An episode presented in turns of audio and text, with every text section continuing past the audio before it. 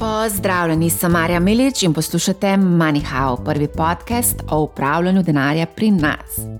Danes se bomo pogovarjali o vrčevanju za pokojnino, z menoj je predsednik uprave Hrvaške družbe Erste Plavi, Petr Vlajč. Pozdravljeni. Ja, lepo zdrav tudi vam. Na vašem LinkedIn profilu sem videla, da ste že skoraj 22 let predsednik uprave Erste Plavi. Drži? Ja, to je zelo dobro. Ja, ja, že ja. ja, 22 let že živite in delate na Hrvaškem, ste pa tudi odličen poznavalec Slovenije. Mi dva se pogovarjava zdaj v slovenščini, torej očitno tudi dobro govorite slovensko. Ja, govorim dobro slovensko. Ja, Vse, jaz sem vse šole končal v Sloveniji, pa tudi rojen sem v Sloveniji, pa tudi mama je čista slovenka, oče pa Hrvat, tako jaz sem mešanc. Ja, kar nekaj Hrvatov poznam, ki so mešanci, ampak govorijo samo hrvaško, ne pa tudi slovensko. Ja, to pa drugo. Vse veste, kaj jaz sem se hrvaščine naknadno naučil. No. Jaz sem v bistvu se uh, materni jezik, ni slovenščina. No. Če, če pravijo tudi res, da že 26 let živim tukaj na Hrvaškem, pa pa človek začne že malo mešati in en in drug jezik. Ja. Um, okay. A gremo mečkam za začetek predstaviti, erste plavi, ja, koliko je. sredstev imate pod upravljanjem, koliko vrčevalcev pri vas vrčuje in kakšni so bili donosi recimo, v lanskem letu. Ja, mi, uh, erste plavi je en od uh, petih pokojninskih družb na Hrvaškem.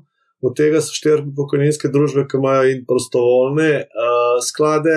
Prav, to je v Sloveniji drug, uh, drug stebr, na Hrvaškem to tretji stebr, pa tudi obvezne, ampak privatne pokojninske sklade, to je na Hrvaškem drug stebr. No? Vse skupaj imamo mi, naša družba za upravljanje pod upravljanjem, uh, nekaj okoli 3 milijarde evrov, uh, s tem, da je večinoma to o obveznih pokojninskih skladih, je pa tudi približno uh, 150 milijonov evrov, je pa tudi v prostovoljnih pokojninskih skladih. No. Čeprav je obvezni, zato ker so.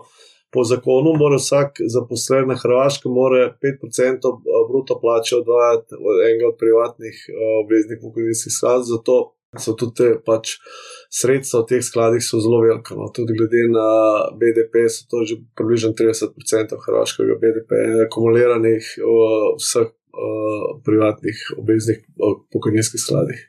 Se pravi, to je ena zelo velika razlika z Slovenijo. Ne? 5% bruto plače je treba obvezno dajati v enega od teh skladov, pri nas recimo to pač ni obvezno, ampak je prosto voljno. Ja, ja, to je drugače, to je čist drugačne.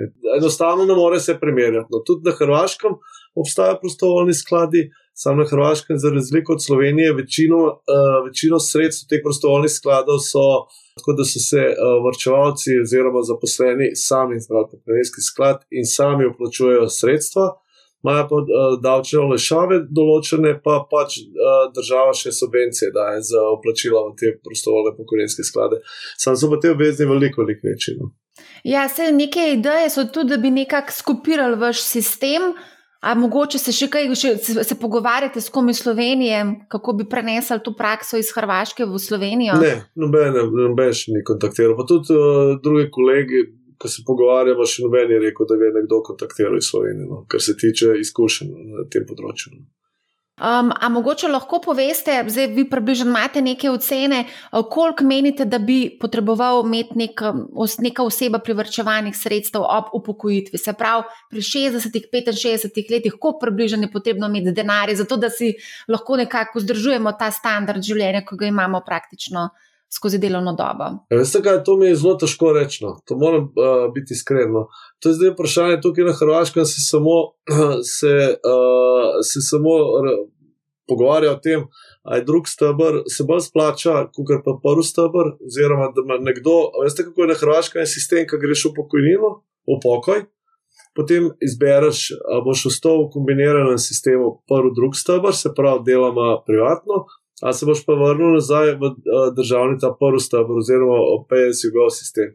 Zato, ker pač, glede na to, da so te, ki grejo zdaj v pokoj, niso bili v celotnem obdobju 40 let delovne dobe v kombiniranem sistemu, pa se določene ljudem pač ne splačane. Pa tudi en, uh, en od problemov trenutno je to, ker je bila zelo visoka inflacija, ker je bila zelo visoka inflacija, so se pokojnine, uh, uh, so se pokojnine avtomatično po formuli uskladile in so zrasle. Uh, pač drug stebr, skladi so imeli pa negativen donos lanskletne, zato so popadale tako in delnice in obveznice. Zaradi dvigovanja pač donosov na obveznice. Ne. In zaradi tega je pač določenim ljudem se enostavno spremenil prej, ki se jim je splačali v kombiniran sistem, v pokoj, v nekem trenutku se jim pa ni več splačalo. Tako da je deloma nekateri grejo trenutno, nekateri ne, samo potem, ko bojo po bodočnosti šli pa tisti, ki so pa cel. Življenjski vek, v bistvu, oziroma delovno obdobje, preživel v kombiniranem sistemu, te bojo pa pač večinoma šli na ta kombiniran sistem. Kdaj pa se upokojujejo Hrvati, pri kateri starosti? Uh, 65 let, oziroma 40 let delovne dobe. Uh, Razmišljal si zelo resno, da bi šlo na 67 let v bodočnosti. Um, zdaj, ko govorimo o povišanju te starostne dobe, oziroma pokritvene dobe, um, zdaj v Franciji divjajo protesti. Mislim, da je danes preko 10 milijonov ljudi na, na ulicah. Protestirajo pa zaradi tega, ker pač želijo spokojninsko reformo dvigati z 62 na 64 let. Ne? Kako, kako recimo komentirate to, recimo zdaj te izgredi, ki se dogajajo, pa tudi konec koncev pokojninske reforme se dogajajo vse pa vsot in to ni najbolj priljubljen nekak ukrep. Ljudje to ne sprejmejo ravno najbolje. Ja, veste kaj, se to je tako zelo po mojem enostavno. No. Uh, pač število tistih, ki delajo, v primerjavi s tistimi, ki so v, v pokoju, uh, se enostavno spremenja, slabša se ta, ta razmerje, ker se slabša, pač se bo moralo spremeniti. Ne. Nekaj se bo moralo spremeniti, ali bojo izvajanja za pokojnine se povišala, ali bojo podaljšali uh, uh, delovno dobo, nekaj bo v glavnem treba narediti. Ne glede samo, pač tudi uh, fertility rate, se pravi, uh, naravni prerast uh, prebivalstva se znižuje.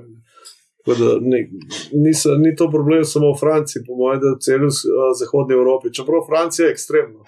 Ja. Se mi zdi, kar se tiče upokojitve. Ja. Trenutno bomo videli, kako se bodo odzvali v drugih državah, ko bodo prišle te pobude za dvigovanje te starostne eh, meje eh, za upokojevanje. Ali lahko mogoče tukaj sam se dotaknemo še ene zadeve, ki se mi je zdela fulj zanimiva eh, in sicer. Pogovarjala sem se z enim podjetnikom, uh, ki je povedal, da želi lansirati nek zelo balkanski izdelek na evropski trg, in povedal je, da je namenjen ta izdelek migrantom.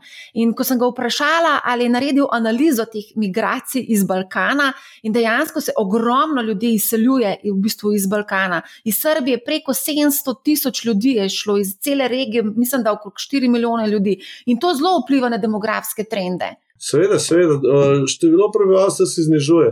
Ne samo to, da je eh, naravni prebivalec zelo nizek, se pravi, zelo malo je no, novih rojstev, ampak tudi ljudje se izseljujejo. Ja. To se tudi iz Hrvaške so se ljudje izseljevali. Uh, v nekem trenutku, da je reči, ko je bilo na začetku uh, leta 2000 do 2010, mislim, da je ne vem čistočno, no, je bila Hrvaška pozitiven priraz, zato ker se je zelo veliko ljudi doseljevali iz Bosne. Uh, uh, pa da so revali tudi iz Makedonije. Tako naprej, potem se je to se zaustavilo enkrat. Poslej je začel pa pospešeno izseljevanje iz Hrvaške v Zahodno Evropo, sploh, ker se je Hrvaška pridružila Evropski uniji. Zdaj pa mislim, da počasi tudi to jenja. Ne?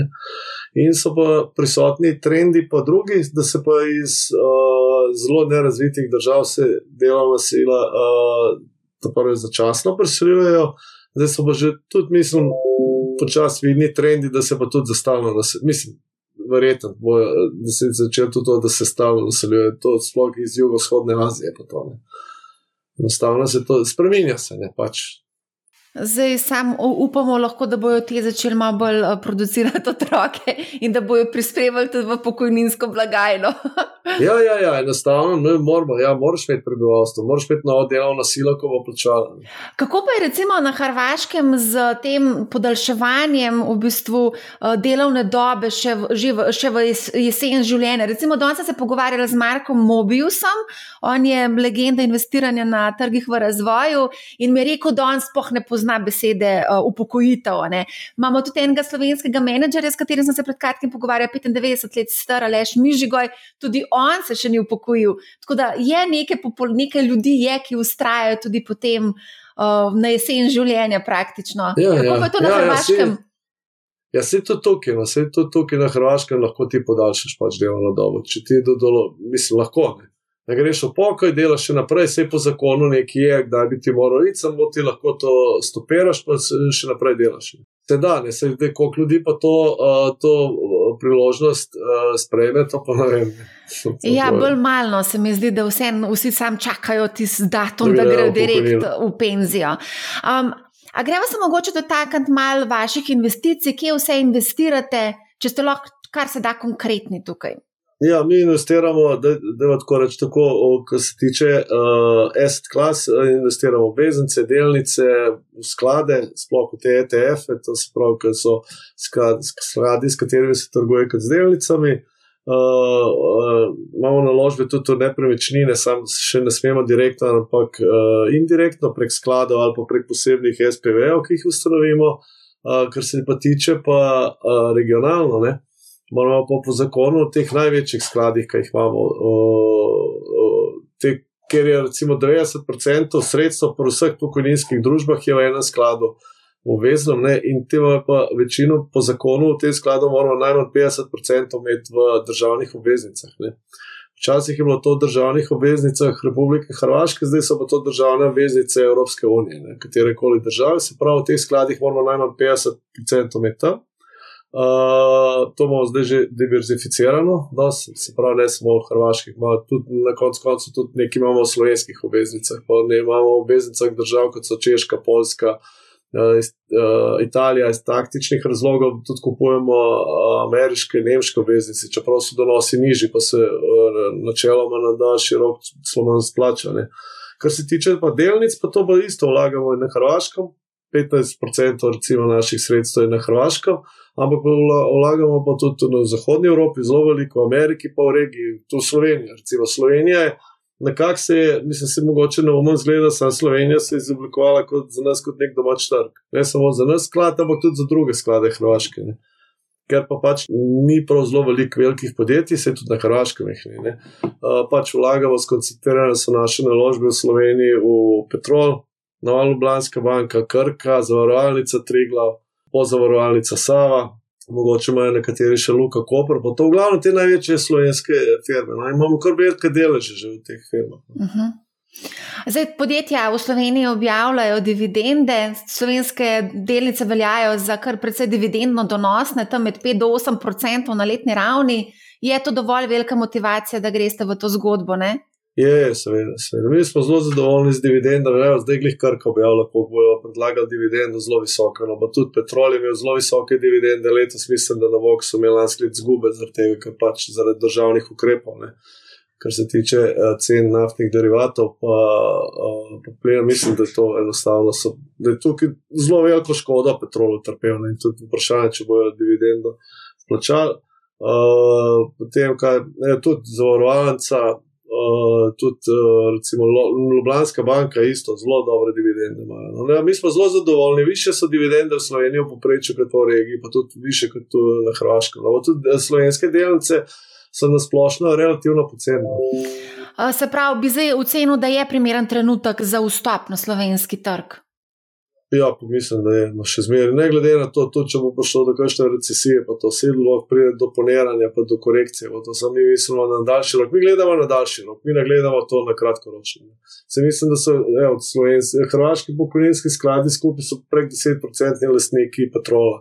Tudi uh, NLB, je, mi sami imamo 4,5%, tudi kar neki, pa krka, pa je eno, je kar, kar aktivni smo. Zdaj, investiranje v take trge kot je slovenski, ali pa hrvaški, ali pa recimo tudi um, libanonski, ali pa Egipt, ali pa Argentina, to so robni trgi, kar pomeni, da obstaja neko tveganje. Se pravi, en večji investitor kot ste vi, zelo težko se umakne z trga, zaradi tega, ker je nizka likvidnost. Ja, to pa je problem, ne, to pa je, ne moreš vse prodati. Ne. Čeprav trgi so bolj likvidni, kot to zgleda na prvo. Ne. Se, mi, če hočemo paket uh, prodati katere koli te delce, NLB, Petrola, pa to ti, ki poiščeš kupcev, koliko boš zelo hitro lahko to prodal, zdaj v tem trenutku. Sam, ki pa pride do kakšne krize, se pa trgi zmrzne. Uh mhm. -huh. ja, zdaj sem gledala, sem gledala na terminalu. Slovenski indeks, pa tudi hrvaški, je za kratek čas bil med najbolj donosnimi v letošnjem letu, preko 14%. In to so v družbi ravno teh eh, Libanona, Laosa, Egipta, Argentine in vseh. No, to je to, to so, to so te trgi. Ja. Um, Zdaj, nekaj ste omenili, tudi v bistvu obvezance, pa zanimiva je v bistvu izkušnja Hrvaške, uh, ki so v bistvu pozvali male vlagatelje k investiranju v hrvaške državne obveznice. To smo videli tudi v Belgiji, v Španiji. Kako, kako vi gledate na to, na, to, na to potezo hrvaške vlade, ki je najprej ponudila malim vlagateljem? Ja, to je bila zelo uspešna zgodba. No. Vse to je, uh, je pač enostavno, res ne mere uh, na depozite. Na Hrvaškem so zmeri, še zmeraj bile zelo nizke. No. Blizu nule, malo čez, no, potem so pa pač Hrvaška, pa uh, donosi na obveznice, še šli pa gor. Ne. Ker so šli pa donosi na obveznice, gor je bila pa zelo velika disproporcija med uh, pač obrestmi na depozite in pa donosi oziroma obresti na obveznice. Ne. Bolj so pa zelo pameten, to po mojem so zelo pameten to naredili. Če celo donos je bil nižji, kot je bil uh, primerjalni donos na trgu. Ne. Se pravi, v bistvu skladi niti niso prav zelo velik tega kupili, sami pa uh, državljani so pa vse to pokupili. Tudi če bi še več izdal, bi lahko uh, še več prodal. Mislim, zelo pameten trenutku so to naredili, zdaj so pa tudi kratkoročno obveznico. Zakaj so kratkoročno? Zato, da ne bojo pač ljudje prav preveč uh, izpostavljeni obrestnim tveganjem. Se pravi, mislim, da je bila dvoletna uh, Hrvaška. Dvoletna, ja, ja, ja dvoletna. Ja. Uh, tako da, ja, pri nas v Sloveniji tudi razmišljajo, zaenkrat še ni na, na tem, ampak razmišljajo. Uh, ampak so pa v Sloveniji nekaj drugega pogruntali. Zdaj smo dobili to izjavo od ministra za finance in sicer želijo izdati trajnostne obveznice na kitajskem in na japonskem. Uh, Podobno ravnajo tudi druge države po Evropi, Hrvatom, menda, da to ni zanimivo. Smo danes izvedeli, kolegica Pija Benene je to izvedela. Um, kako, kako gledate na to zgodbo, investiranje, izdajanje uh, na japonskem? Veste, kaj te, kad gledate, perpetuirati obveznice, zanimivo so takrat, ko so zelo nizke obrestne mere. Zdaj so obrestne mere že malo začele rasti. To, pa tudi, pač to je, da jim reči, imajo kar visoko obrestno tveganje tveganje do spremembe obrestnih mer. Nimam kakšnega posebnega odnosa do tega, mi, recimo, kot sklad, nismo pa zelo, zelo tam obveznice z dospetjem več kot 30 let. Ne. 30, 40, 50, pa te več tudi stoletne obveznice. Mislim, da jih je Avstrija izdala. Jih je, ja. To nismo, te, te, te mi nismo kupovali. Sploh pa, ko so jih izdajali te zelo, zelo dolge dospete obveznice, takrat so bile obrestne mere blizu nule, tam recimo desetletne obveznice. Ja, ampak kako pa, da so denominirane v japonskem jenu, recimo? Ja, ja si to imaš pa tudi, to imaš pa še valutni rizik, ti se moraš pa hedžerati. Se pravi, v bistvu, ker japonske obrestne mere so najnižje, ti v bistvu, da bi se zaščitil, pa mislim, da bo to država naredila, ne pač moraš, uh, moraš pač se hedžirati, pa ti pa ni donos več, uh, oziroma tvoje obresti, ki jih plačuješ, niso recimo 1%, ampak so 2,5-3%, zaradi razlike v obrestnih merah. Ne. Ja, um, zanimivo je tudi dogajanje, kar se tiče valut, valutne vojne. Ne vem, zdaj, če se to dogaja, ampak ja, nekateri pravijo, da se že dogajajo te valutne vojne, vlagatelji in pa države pa bodo na neki točki menda celo prisiljene izbrati stran, se pravi Kitajsko oziroma zavezniki Kitajske in pa ameriški dolar. Ne. A mislite, da obstaja možnost, da bi Kitajska v bistvu nekako um, oblikovala zavezništvo z drugimi trgi, razvijajočimi trgi? Možno. Vse Juan je že zdaj uh, vse bolj sprejeta valuta. No. Kitajci, kar so močni, so, njihova ekonomija še zmeraj zelo raste. In pač tudi oni, verjetno, deloma so zanimivi, so zanimivi tudi za trgovino, pač in da sprejemajo vse več in več njihovo valuto kot uh, valuto za blagovno menjavo. Saj še zmeraj je pa za nas, za Evropo, pa evro, pa dolar. No. A vi tudi, investirate v kitajska podjetja? Ne, Ne, ne, mi niti ne smemo direktno investirati na Kitajsko, mi lahko uh, investiramo samo v države članice OECD. -a. Aha, kot pokojninski sklad, ne smete. Ja, ja, ja. ne smemo direktno, lahko posredno preko skladov. Se pravi, mi lahko še en ETF kupimo, ki je vezan na Kitajsko, ali pa še en zemni sklad, ki je vezan na Kitajsko, ali pa na te trge v razvoju. To lahko je, a direktno delance pa ne tudi ne smemo v regiji, lahko mi, recimo, če gledamo področje bivše Jugoslavije, lahko samo v Slovenijo vlagamo, zato ker Slovenija je edina, uh, ki je članica Evropske unije. Pogoje ali EU ali pa OECD. Slovenija pač to izpolnjuje, druge države pa ne. Kaj pa, ste investirali pa še en ETF, ki investira uh, oziroma ima naložbeno politiko na kitajskem? Ja, CSI 300, pa tudi neki smo uh, KV, to, ki je bila tehnologija vezana. Ja, investiral. Smo pa tudi, se tudi Koreja, recimo, ok, Korejo smemo direktno vlagati. Ne, ampak tudi smo nekatere trge v razvoju, tudi brazilske TTF-e smo vzeli. To samo to je bolj taktično, ne, kupuješ.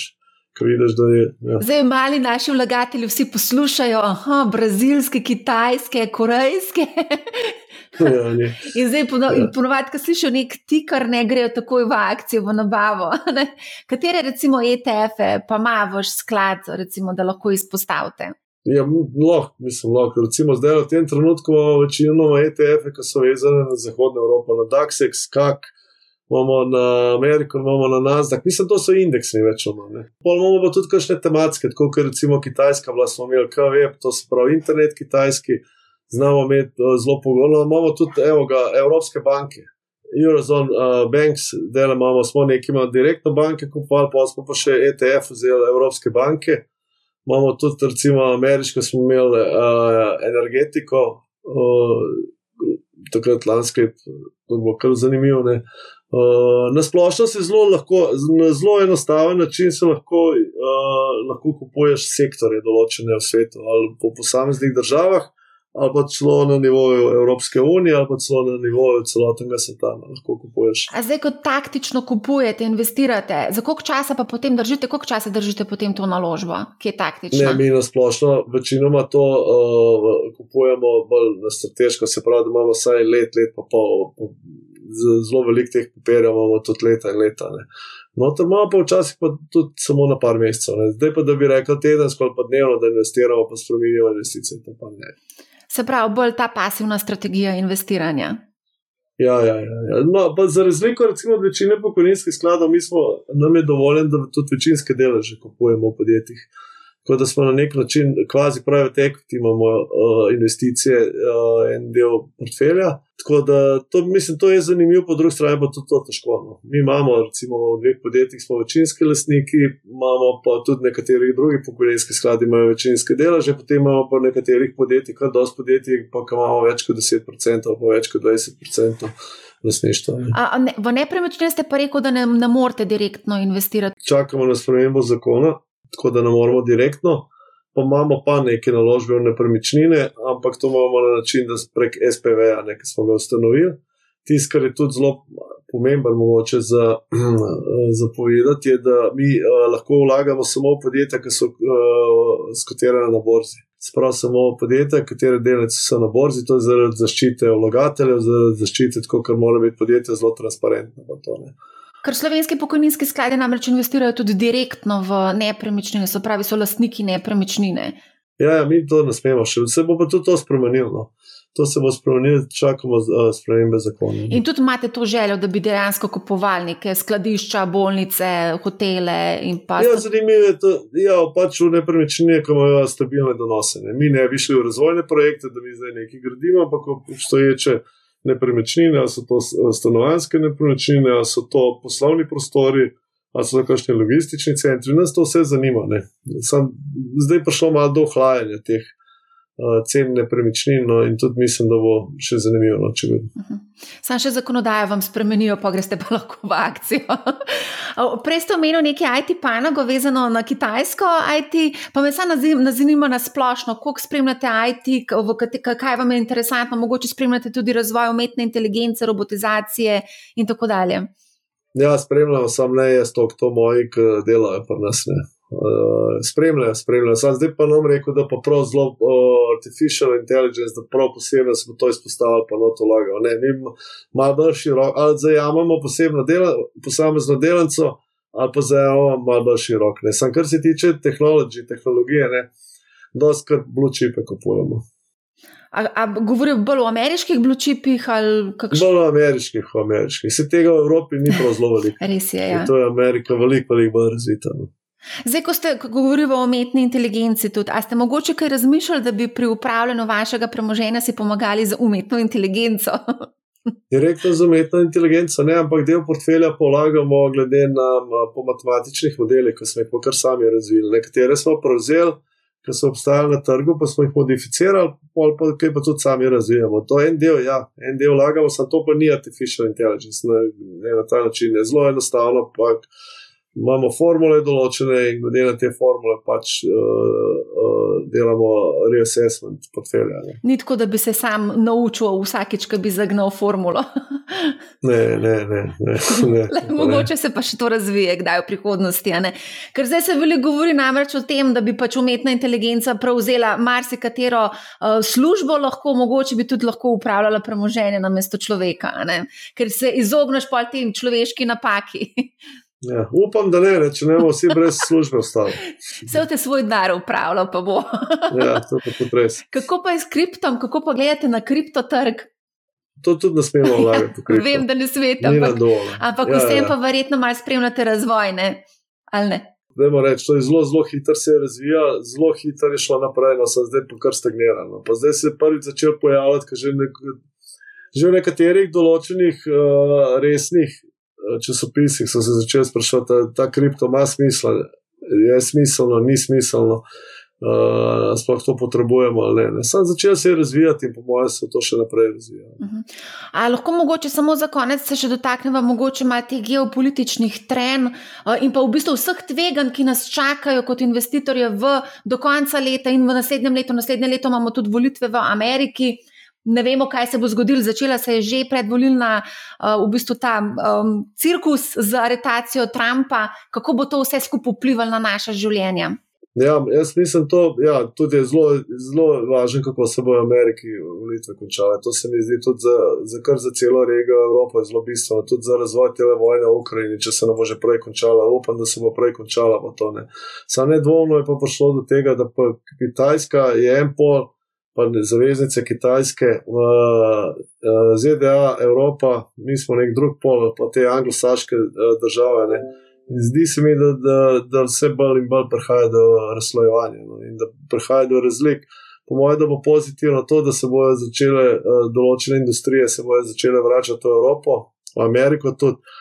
Te mislim, da bo, da bo države, ki so še zmeraj delovna sila, ki je izobražena, pa ki je bolj poceni vse skupaj, tako je tudi Hrvaška, med drugim, pa tudi Slovenija na koncu koncev, kar se tiče primerjavi z Zahodno Evropo in z Ameriko, mislim, da mi lahko tukaj profitiramo. No. Je pa, po moje, pa, da je to proces, ki se ne more več zaustaviti. Enostavno prihaja do tega nearshoringa, vračajo se industrije, uh, delajo se barijere med Zahodom in Vzhodom, se pravi Zahod, Zahod Kitajska. In um, naše življenje, to se bo spremenilo, kar po moje. Um, spremenilo v kakšnem kontekstu? Ja, enostavno, po moje, bo pač začele se spet pojavljati določene panoge, ki so, uh, ki so zginile iz Evrope. Uh, po moje, da bo tudi malo dražje vse skupaj rata, zato ker pač iz Azije smo vsem prenašali poceni uh, pocen izdelke. Uh, na, področju tehnologije se bo tudi prišlo do razslojevanja. Pač se že zdaj postavljajo barijere, američani, pa evropejci, uh, kitajcem. In verjetno bo trgovina na splošno ne bo tako svobodna, no, kot je bilo do zdaj, da se to po celem svetu, pa globalizacija. To. Zdi se mi, da se je globalizacija, da se bo to vse skupaj malo zaustavilo. Mhm. Um, a veste, kaj sem vas še pozabila vprašati? Um, kako pa, zdaj, ko ste omenili Ukrajino, vojno in tako dalje, um, kako pa gledate, a vi tudi investirate v kakšne surovine? Direktno ne. Se pravi, preko ETF-ov investirati. Preko, je pa celo preko ETF-ov ne moramo vlagati no, v commodities. Kaj pa zlato? Ne, ne, lahko kupujemo delance pač podjetij, ki se pač lahko, lahko kupujemo, recimo BHP Billiton, lahko kupujemo Anglo American, vse te podjetja, ki imajo rudnike, ki, te, ki se bavijo s trgovino, pa s proizvodnjo surovin. Ja, to lahko je. Ja. Kaj pa zlato, kako se vam pa to zdi interesantna naložba? Nekateri pravijo, da je mus imeti v portfelju nekaj zlata, vsaj za fizično fizične osebe, za institucionalce so malo drugače. Ja, mi niti nismo bili na tem, tudi zato direktno ne smemo kupovati svet, pa tudi te podjetja, ki so rud, imajo rudnike zlata, pa to enostavno ne. Mi gledamo to zelo enostavno. Pač, če za to kupiš kot tako fizično, tle nimaš nobenega donosa, nimaš niti obresti, niti dividende. No. Pa to je nekaj, kar smo malo bolj konzervativni, pa pravimo, zakaj ne bi raje kupil delnice NLB, ki ima donos 7-8%, pa banke na splošno ali pa te energetske kompanije. No. Tako da enostavno tudi za, glede, za diversifikacijo zlato niti ne kupujemo. No. Imam, ja, ja sej, sej. Kaj pa, kaj pa recimo, to, to bi vas še vprašala. Zdaj se zelo veliko govori o trajnostnih naložbah, o ESG-u, o zelenem prehodu, v glavnem vse gre v to smer. Kako pa vi gledate na to? Ja, to smo pa zelo pozitivni no, z ESG. Uh, mi nismo še implementirali te politike ESG-ja direktno v sklade, sami smo pa recimo mi večinski lasniki ene, enega podjetja, ki se bavi z obnovljivimi uh, veri energije. Ne ima pa Wind Power, ne pa tudi zdaj imamo solarne te panele. Sprav, uh, uh, solarne, uh, solarno energijo, proizvodne električne energije. Tukaj smo zelo, zelo pozitivni in to zelo raste, to naš podjetje. Zelo velik interes je za vlaganje v to podjetje. In uh, mislim, da bomo kar da bo zelo raslo. To, no. uh mhm. -huh. Ali bi lahko mogoče za konec našim poslušalcem in gledalcem svetovali, kako uh, upravljati z denarjem v prihajajočem letu, oziroma do konca leta, oziroma na nek dolgi rok? No, bomo rekli, na dolgi rok. Ja, na dolgi rok bi pa kar rekel, jaz bi imel kar dosti denarja v delnicah, sploh mi zanimivo so delnice z visokimi dividendnimi donosi. En del tudi v delnicah, ki, ki pomenijo tehnološki razvoj.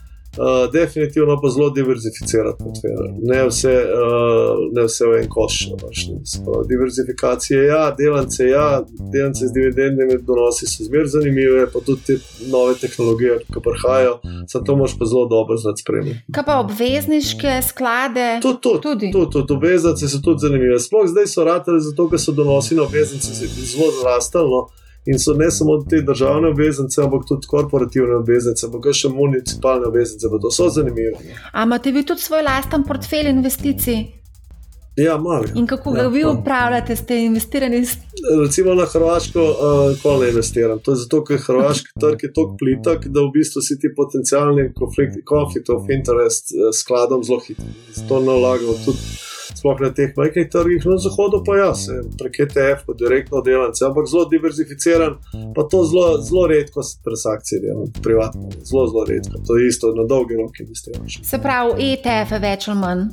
ETF je pa tudi direktno delance. Ne, tudi direktno, ampak na daljši rok. To pač to niso naložbe na en teden, dva tedna in mesec, to je na dve leti, tri leta, pet let. Ja, ja, ja, super. Odlično, najlepša hvala za super debato. Tudi vam. Lepo zdrav. Dragi poslušalci in gledalci, poslušajte Manihau, ne bo vam žal in lep pozdrav.